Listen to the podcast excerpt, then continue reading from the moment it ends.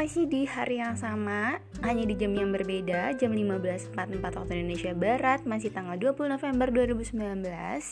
Hari apa ini? Hari Rabu. Uh, Assalamualaikum warahmatullahi wabarakatuh. Dengan Anissa di sini dalam berbagi itu indah dalam podcast berbagi kali ini aku mau bagi tentang tadi kan aku membahas tuh di podcast sebelumnya mengenai hal terpenting yang bakal nentuin kualitas dan kebahagiaan hidupmu.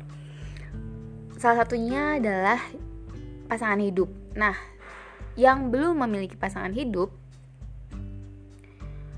kayak aku. yang belum memiliki pasangan hidup, ya jangan galau. Tapi persiapkan diri, menata hati dan diri. Ya lebih lebih kalau menurut aku sih bukan digalauin tapi dipersiapin. Jadi biar nanti datang siap gitu. Mungkin apa ya klise kali ya uh, pesan ini atau nasihat ini gitu. Tapi itu penting banget sih sebenarnya dalam. Ya bener-bener banyak hal loh yang harus dipersiapin. Dan kalau aku sendiri emang uh, aku kan orang yang planner ya. Jadi ketika ada planning ataupun tujuan. Jadi kan aku or orang yang harus fokus. Kalau nggak fokus nggak aku ke mana-mana istilahnya kayak gitu. Jadi kalau aku punya tuju aku harus jelas tujuan aku gimana biar aku bisa fokus ke situ dan aku juga pokoknya aku harus jelas semuanya gitu. Planner banget. Walaupun nggak saklek sebenarnya. Bisa fleksibel juga. Nah uh, aku mau share. Jadi karena aku memang lagi masa persiapan persiapan untuk menikah walaupun belum ada jodohnya gitu. Belum ada calonnya. Tapi ya apa salahnya mempersiapkan gitu loh. Karena aku lagi masa persiapan dan lebih kena mungkin ya ilmu yang aku share dalam masa persiapan ini gitu. Karena aku pun memang lagi uh, mempelajari itu dan tadi siang karena aku tuh ngantuk banget gimana caranya biar aku nggak ngantuk jadi akhirnya aku nulis nulis tapi masih tetap ngantuk juga ternyata. Aku menuliskan hal-hal yang aku bakal tanyain sama calon aku nanti.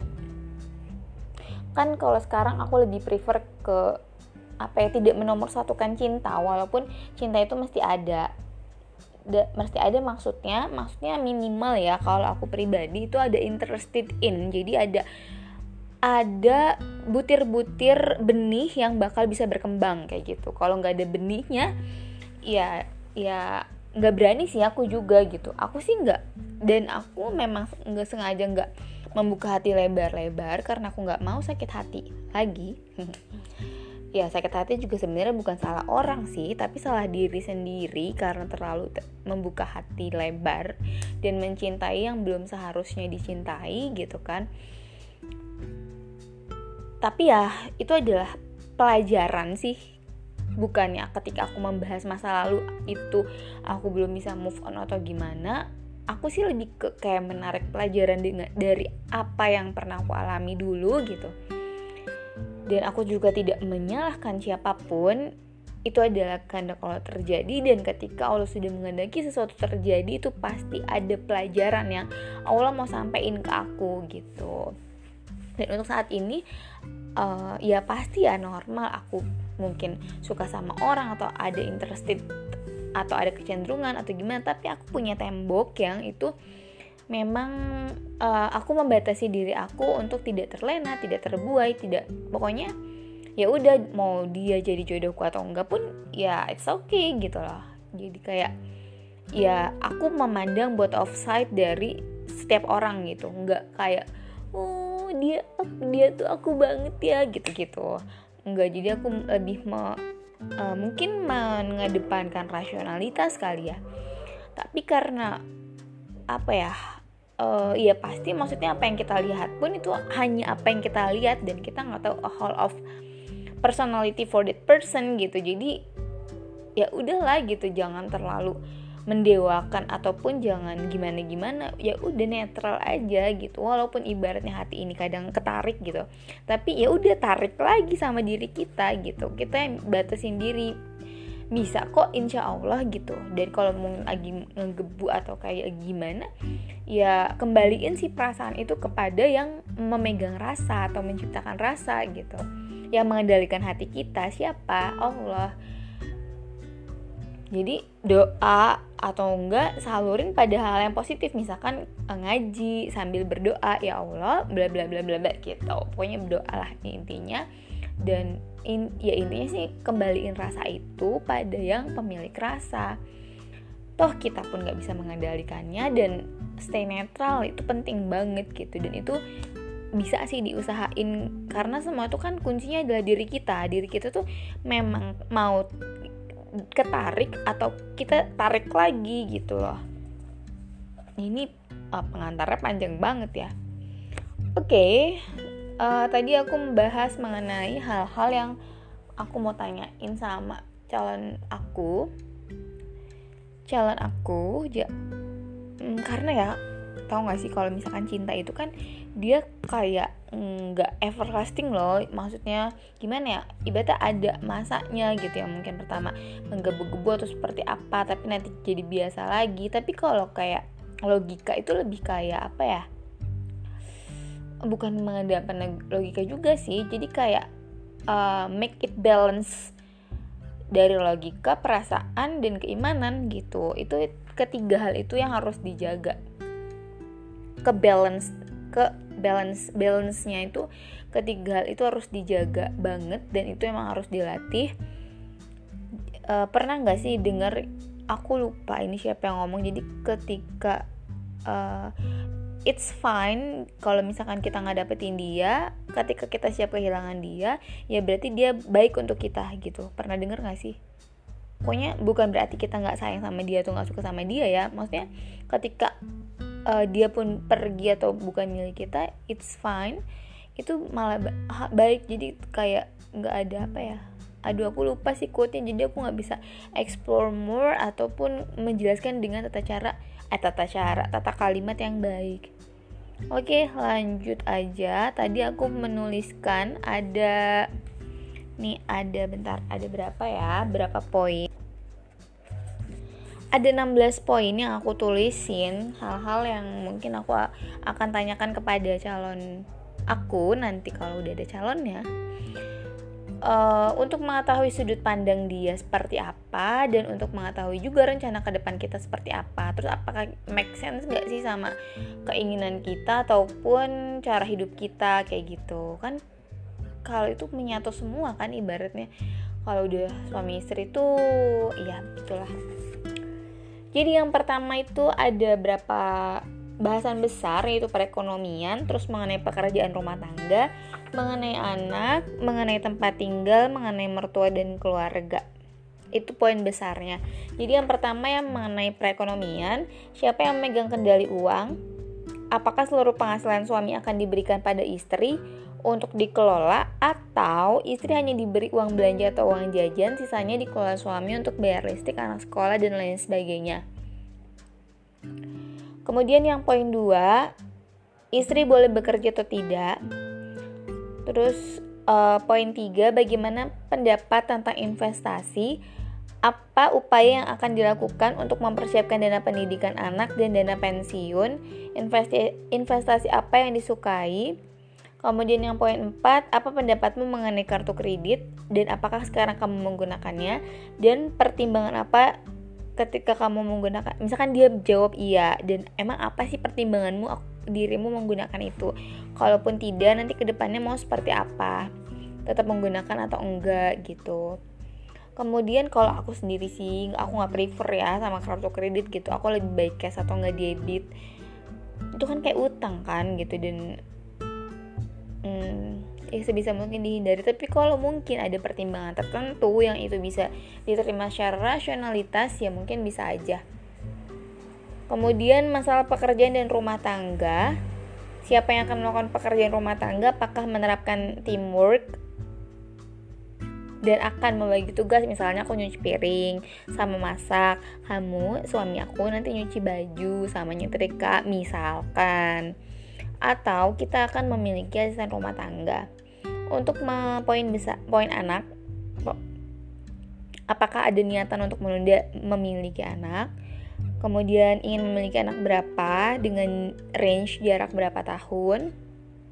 Apakah mengharuskan memiliki anak perempuan dan laki-laki?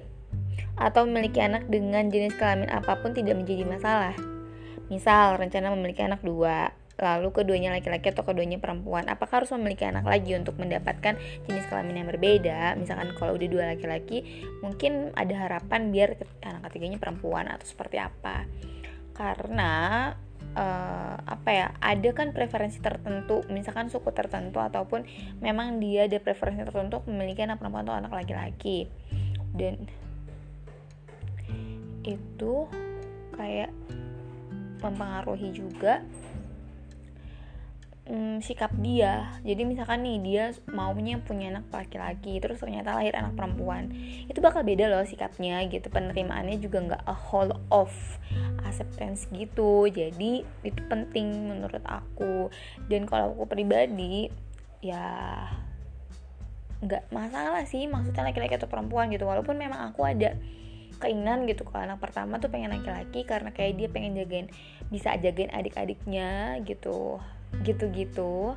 Bisa jagain adiknya kemudian jadi pemimpin untuk adik-adiknya. Tapi kalau misalkan anak aku pertama perempuan juga ya it doesn't matter gitu. Aku nggak ada preferensi tertentu harus memiliki anak perempuan atau laki-laki. Kayak gitu. Tapi ini penting ditanyain karena uh, aku nggak mau sih ibaratnya nanti dia nggak acceptance full of nggak menerima secara menyeluruh karena hanya jenis kelamin kayak gitu lagian emangnya kita bisa menentukan gitu kan? Makanya itu hal penting menurut aku dan aku harus memperjelas itu. Kemudian bagaimana jika tidak memiliki anak? Apakah akan menikah lagi? Atau adopsi? Atau menjalankan bayi tabung? Atau in, in vitro fertilization? Kemudian bagaimana pandangannya tentang poligami? Terus apakah akan ber-KB lalu metode KB apa yang akan digunakan metode alami atau kemudian masalah tempat tinggal akan tinggal di mana setelah menikah bagaimana pandanganmu mengenai LDR setelah menikah kemudian masalah mertua dan keluarga. Seberapa sering akan mengunjungi orang tua dan mertua? Baiknya direncanakan sih kalau aku pengennya dijadwalin gitu. Misalkan uh, kapan berkunjung ke orang tua kapan berkunjung ke mertua gitu Kemudian bagaimana pemberian uang pada mertua dan orang tua? Apakah setiap bulan atau mungkin setiap minggu gitu? Dan untuk jumlahnya pun uh, apakah uang yang diberikan kepada mertua dan orang tua itu sama atau kemudian ya aku nggak ibaratnya kenapa ini penting tanyain hmm, ya mungkin ini bisa jadi perpecahan juga gitu kan. Satu hal yang mungkin gak apa ya mm, berbenturan pemikiran kita dan pemikiran dia itu kan bisa jadi kayak sumber sumber masalah. Tapi kalau misalkan dibicarain dari awal didiskusiin dan persetujuannya seperti apa dengan pertimbangan seperti apa kalau dua-dua kedua belah pihak udah menyetujui it doesn't matter lagi kan. Kemudian yang 14 uh, karena aku anak pertama. Aku nggak bakal tahu umur orang tua aku tuh ya setiap orang nggak pernah tahu kan ibaratnya umur seseorang itu. Umur seseorang itu sampai kapan gitu. Termasuk umur orang tua aku nanti. Nah ketika orang tua aku meninggal nanti karena aku otomatis memiliki adik ya karena anak pertama dari tiga bersaudara. Kemudian misalkan nih adik aku memang masih menempuh pendidikan. Bersedia nggak sih membiayai pendidikan dan biaya hidup membiayai pendidikan untuk adik-adik aku dan biaya hidup untuk mereka?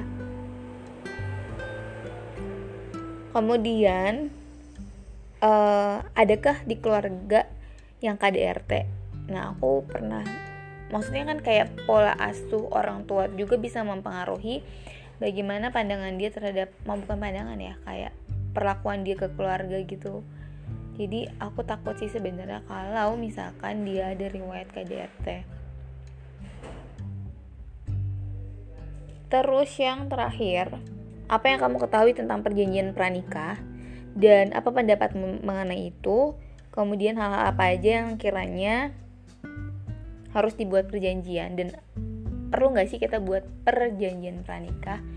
Itu 16 pertanyaan yang aku tadi tulis yang mungkin aku bakal tanyain sama calon aku nanti kalau udah calonnya. Sumber dari sumbernya uh, aku membuat list pertanyaan itu ada referensi yang aku gunain. Itu aku ada guidelinesnya sih jadi dari www.anisa.st.com jadi dia judulnya 30 hal yang harus ditanyakan pada hmm, oh 30 hal yang harus ditanyakan sebelum menikah. Dan aku bacain ya yang ini yang dari sumber aslinya. Itu pertanyaannya apa aja? Karena kalau aku kan udah dimodifikasi. Tapi memang uh, mostly dari sini gitu. Kalau di sini 30 aku cuma buat 16 kayak yang menurut aku penting aja sih. Jadi yang pertama ini sama, siapa yang memegang kendali uang, apakah semua gaji suami akan diberikan kepada istri untuk dikelola, atau apakah istri hanya diberi uang belanja sementara sisanya dikelola suami. Yang kedua, apakah akan punya tabungan bersama atau tabungan masing-masing. Yang ketiga, gimana? Aku ini nggak tulis ini karena kalau aku pribadi tuh ya tergantung juga maksudnya. Uh, dari jawaban yang pertama kan gitu dan nggak urgent juga sih mau punya tabungan bersama atau tabungan sendiri atau dua-duanya juga it doesn't matter kalau aku gitu Terus yang ketiga gimana kalau penghasilan istri lebih besar? Apakah istri boleh berbelanja tanpa seizin suami? Apakah boleh berbelanja dengan uang sendiri tanpa seizin suami? Ini juga aku nggak tulis karena ya kalau menurut aku sih ya uh, ya namanya belanja itu nggak semuanya kan ibaratnya harus izin sama suami kalau menurut aku ya nggak tahu juga sih ini pandangan aku aja gitu loh. Apalagi kalau itu adalah uang istri sendiri. Ya yang penting kita bisa tahu diri dan kayak punya batasan sih belanjanya itu yang nggak berlebih gitu. Kemudian yang keempat apakah istri boleh tetap bekerja? Apakah istri boleh atau tidak bekerja? Bolehkah? Apa nih? Bekerja setelah punya anak. Terus kalau aku ini sih nggak masalah ya. Maksudnya aku boleh bekerja tidak. Tapi yang jelas walaupun aku bekerja atau enggak aku tetap mau berkarya itu. Terus yang kelima bagaimana pendapat tentang dan kalau udah punya anak gimana? Uh, asal aku apa ya? Aku usahain banget gitu. Kalau aku bakal hmm, memberikan pendidikan dan pengasuhan yang the best that I can do gitu. Walaupun mungkin nanti ada bantuan baby sister atau gimana tapi tetap itu sifatnya baby sister tuh membantu. Jadi tetap untuk yang ngelitnya itu aku. Untuk yang kayak ngajarin mereka juga aku gitu. Kan yang namanya membantu tuh paling kayak ibaratnya jagain bentar ya mbak gitu. Atau aku lagi capek aku mau istirahat dulu dijagain dulu sebentar sama mbaknya. Tapi tetap maksudnya semua uh, itu dikendali apa di bawah kendali aku. Aku tuh uh, bayangan aku seperti itu. Jadi ini aku nggak tulis di yang 16 tadi. Terus kalaupun nanti ibaratnya uh, ya sebenarnya ibaratnya aku kerja gitu kan. Terus ya kalau ibaratnya aku pengen bawa dia gitu. Jadi kan apalagi kalau aku masih menyusui gitu aku mau eksklusif dan juga hmm, semoga maksudnya ruang kerjanya tuh kayak mendukung gitu loh kayak ada tempat yang itu ada lorongan aku yang hmm, ya tidur di situ gitu. Nanti kalau mau tidur ya tidur di situ anak aku dijaga kalau aku uh, baby sister gitu kan uh, dijagain kalau misalkan. Tapi tetap maksudnya pengawasan tuh penuh gitu dari aku. Ya intinya kayak gitulah. Itu sih bayangan aku ya jadi uh, ya aku sih sebenarnya berharap ada baby sister untuk ngebantu. Tapi ya itu sifatnya membantu. Terus udah gitu bagaimana pendapat tentang investasi? Untuk dana pendidikan dan dana pensiun apakah investasi yang disukai? Ini aku tulis di 16 tadi. Kemudian nomor 6 yang sama aku tulis juga. Apakah setuju dengan sistem kredit, apakah akan punya kartu kredit, apakah tidak suka berutang? Jadi akan membeli segalanya dengan tunai.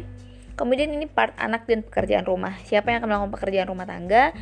Pertanyaan ini harus di breakdown siapa yang akan cuci piring, cuci baju, masak, beres-beres rumah, apakah akan punya pembantu rumah tangga.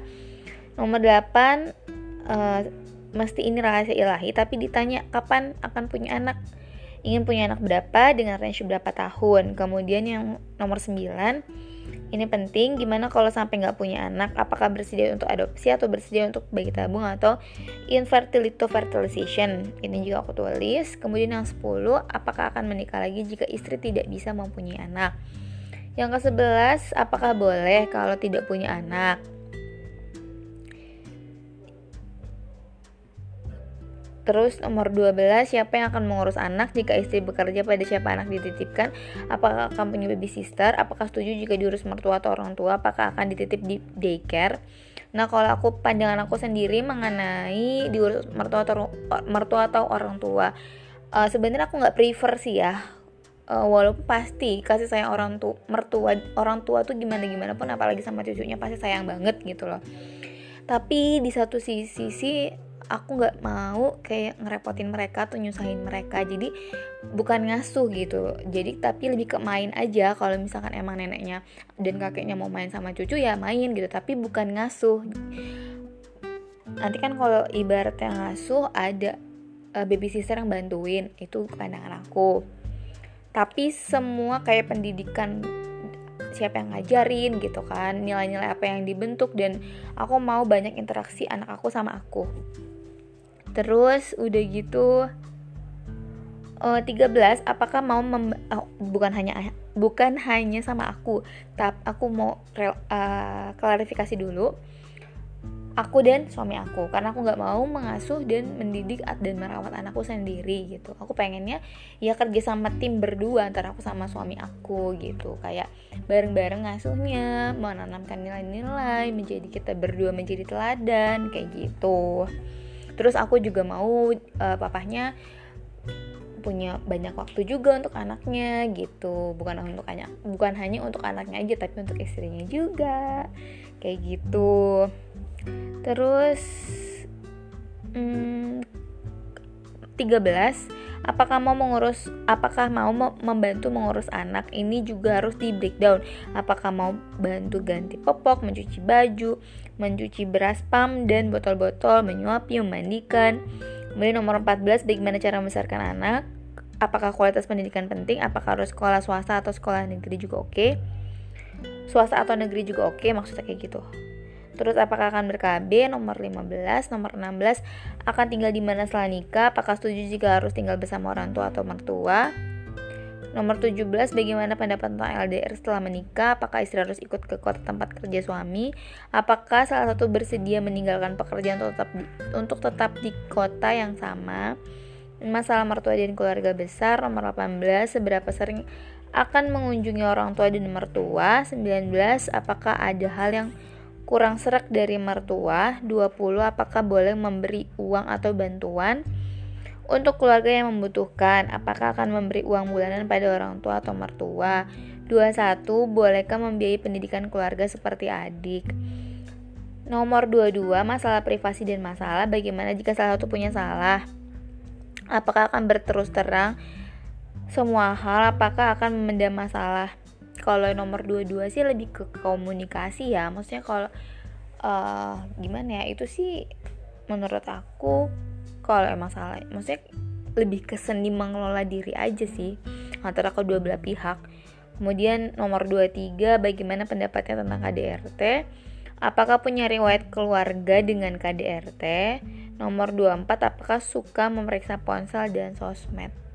Kalau aku pribadi sih yang ibaratnya sekarang pun aku nggak kunci-kunci gitu. Maksudnya mau orang siapa pun lihat juga ya terserah gitu.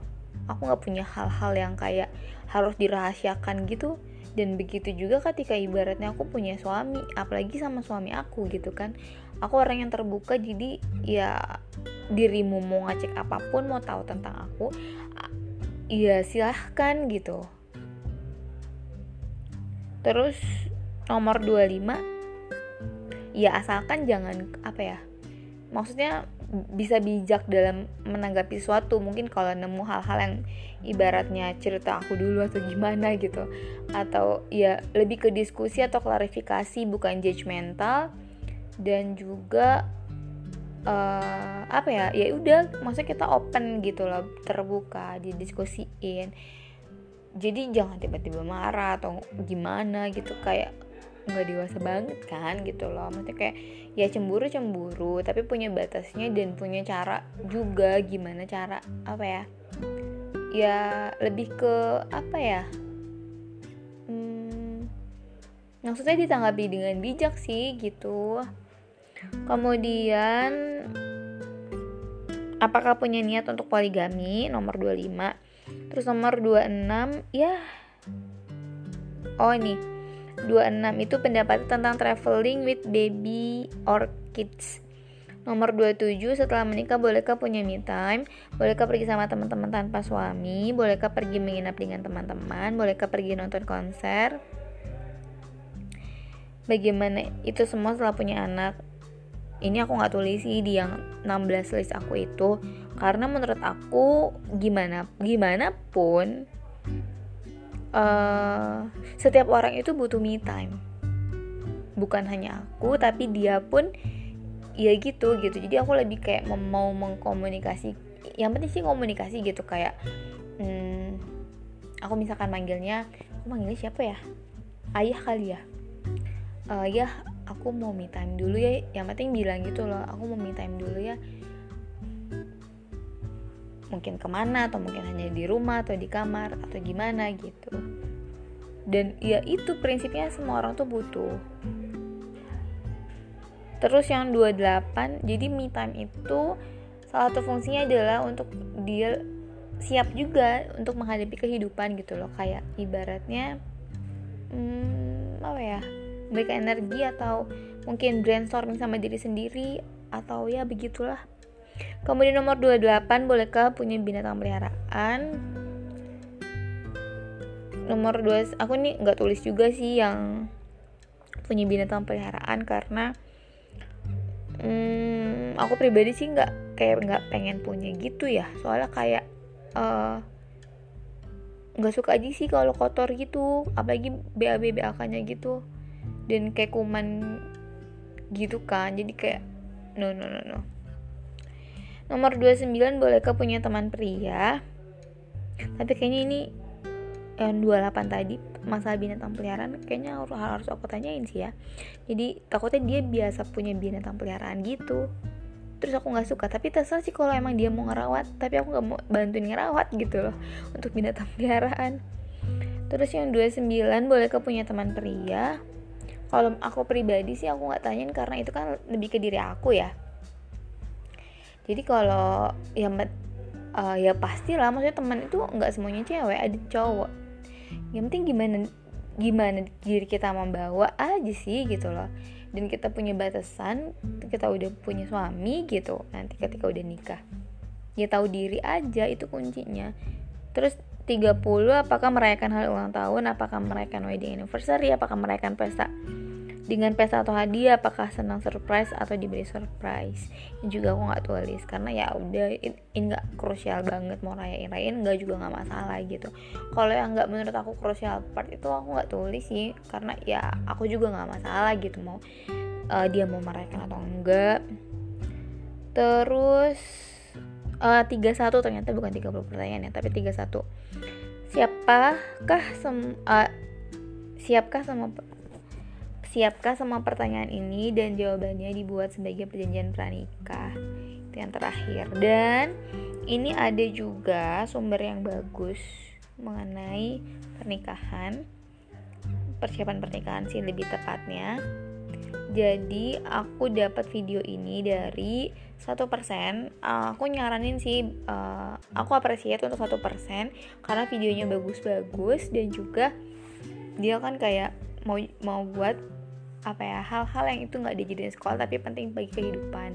Kayak platform pendidikan yang memberikan uh, ilmu-ilmu yang tidak diajarkan di sekolah tapi sebenarnya itu penting banget bagi uh, kehidupan dan memberikan uh, sudut pandang yang nggak hanya kita lihat dari satu sisi gitu. Jadi kayak memberikan insight dan uh, penyampaian itu kayak research gitu. Maksudnya dia based on research nggak sembarang kayak just opinion. Jadi aku suka video itu dan kontennya juga berisi. Aku sering dengerin eh, satu persen. Bisa di search aja YouTube-nya satu persen. Dia juga uh, ada kelas offline dan online-nya aku jadi promosi satu persen ya. Enggak sih maksudnya bukan promosi tapi aku kayak mau membagikan hal yang baik. Ketika emang itu hal baik aku aku maksudnya pengen orang lain itu juga mendapatkan hal tersebut kayak gitu. Terus apa lagi tadi ya mau aku sampaikan tentang satu persen? Oh iya dan yang aku appreciate adalah dia tuh juga buat kayak kurikulum kurikulum hal-hal apa aja yang harus disampaikan. Itu kan keren kemudian uh, ini salah satu video satu persen yang mengenai relationship itu ini judulnya jangan menikah sebelum tahu 8 hal ini. Tanda kurung persiapan sebelum menikah. Nah apa sih 8% itu? Eh 8% 8 hal itu yang pertama adalah komitmen. Yang kedua adalah nanti aku explore nih uh, 8 hal ini tapi aku mention dulu ya yang pertama adalah komitmen, yang kedua itu kekurangan pasangan, yang ketiga manajemen emosi dan komunikasi, yang keempat jalur karir, yang kelima keadaan finansial, yang keenam tempat tinggal, yang ketujuh pekerjaan rumah tangga, yang kedelapan penerimaan antar keluarga. Masalah komitmen ya lagi-lagi ibaratnya perjan pernikahan adalah perjanjian yang besar gitu kan di Allah juga menyebutnya uh, bukan menyebut ya apa ya maksudnya itu ada emang perjanjian yang besar gitu. Aku lupa ada beberapa perjanjian gitu dan uh, di uh, aku nggak bisa nyampeinnya tapi aku sering dengerin kayak kajian gitu kalau emang nikah itu adalah perjanjian yang besar. Jadi ini adalah masalah komitmen bukan hanya masalah cinta. Kan kalau cinta mah up and down ya tapi kalau komitmen mah ya mau dia lagi up atau down ya komitmen gitu jadi uh, siap nggak sih berkomitmen dengan orang tersebut? Ya yang pasti yang kita harapin dia menjadi partner hidup kita seumur hidup kita gitu. Jadi ini lagi-lagi mengenai komitmen. Ini penting banget sih kalau menurut aku. Uh, terus yang kedua tadi masalah kekurangan pasangan dari diri kitanya dulu gimana sih kita bisa atau enggak menerima kekurangan pasangan dari calonmu itu gitu. Dan aku kemarin sempat sharing juga sama temanku. Jadi sebelum dia mem kayak mau uh, melangkah lebih lanjut ke dengan seorang pria gitu yang dia kayak menanyain sama ini masalah fisik contoh kecil masalah fisik gitu ya. Uh, dia siap misalkan nih uh, cowoknya tuh kurus banget atau gemuk gitu. Ya itu kan kita nanya, nanya ke diri kita sendiri kan siap nggak sih kita menerima pasangan yang uh, kondisi fisiknya ya kurus banget kurus gitu atau enggak gemuk gitu. Itu kan juga suatu jadi pertimbangan kan. Misalkan gak ganteng-ganteng banget gitu kita kita mau nggak nih nerima kekurangan dia yang kayak gini atau misalkan dia hitam atau gimana gitu kan itu juga kita harus tanyain sama diri kita. Jangan sampai nanti maksudnya kita hanya gara-gara dengan maksudnya gimana ya fisik. Uh, jadi dari diri kitanya dulu kita nerima atau enggak gitu. Kalau misalkan diri kita udah nerima nanti whatever everybody says about our my partner gitu. Ya udah nggak masalah gitu mau gimana pun dia aku nggak fokus sama kekurangannya tapi aku fokus sama kelebihannya. Tapi kan pertama ketika kita mau fokus sama kelebihan dia dia harus uh, maksudnya secara logikanya secara logika maksudnya secara kenyataannya kita harus udah nerima gitu oh itu ya kekurangan dia tapi aku udah terima ya it doesn't matter. Ya udah gitu loh. Itu salah satu contohnya. Misalkan lagi kekurangannya adalah hmm, apa ya? Ya udahlah satu aja ya yang aku contohin. Banyak sih sebenarnya contoh-contoh. Contoh-contohnya. Tapi ini udah 34 menit. Yang ketiga manajemen emosi dan komunikasi. Nah bagaimana coping stress pasangan harus tahu? Oh iya ini aku harus tanya ini nanti. Aku tambahin jadi 17 list kali ya. Apa yang kamu lakukan ketika kamu stres itu.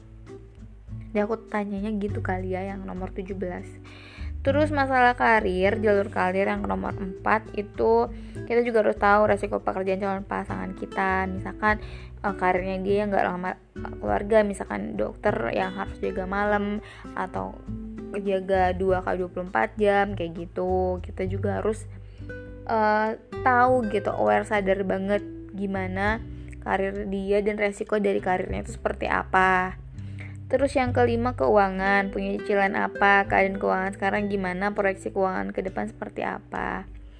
Terus nomor 6, oh ini juga penting nih ditanya. Jadi aku harus tanya dia punya cicilan atau enggak. Kan ibarat punya cicilan atau enggak, punya utang atau enggak. Ketika nanti aku udah nikah kan maksudnya bukan hanya cicilan dia kan, tapi juga cicilan aku. Terus nomor 6 tempat tinggal mau tinggal di mana. Nomor 7 pembagian pekerjaan karena rumah tangga itu timur. Kemudian masalahnya nanti wanita bekerja atau tidak. Kemudian masalah atau enggak. Kalau wanitanya kerja ataupun uh, lebih prefer atau enggak kerja. Kemudian 8 penerimaan keluarga mengenai dan stres dan seterusnya. Nomor 8 terus uh, aku tambahin sih ini. Aku kan ini nulis ya di IG juga. Jadi hal yang baik dan menurut aku menarik itu aku share. Terus di sini aku kan ini aku baca postingan IG aku kan gitu. Jadi bisa dilihat kalau mau explore more aku kadang banyak berbagi juga di IG IG aku Nur Anissa Fauzia N U R A N N I S A F A U Z I A H. Terus udah gitu masalah keturunan berapa anak dan planning-planning lainnya untuk anak. Jangan sampai anak jadi jangan sampai anak kita nanti jadi beban negara. Maksudnya itu aku pernah sampai ini kan di podcast sebelumnya tapi aku lupa judulnya apa. Intinya ya hmm, semua intinya kita harus mencetak anak yang berkualitas biar bisa menjadi uh, biar bisa membantu mempercepat pertumbuhan negara bukan malah menjadi beban negara gitu. Oke okay. tidak terasa sudah 36 37 menit malah. Terima kasih sudah mendengarkan semoga bermanfaat. Assalamualaikum warahmatullahi wabarakatuh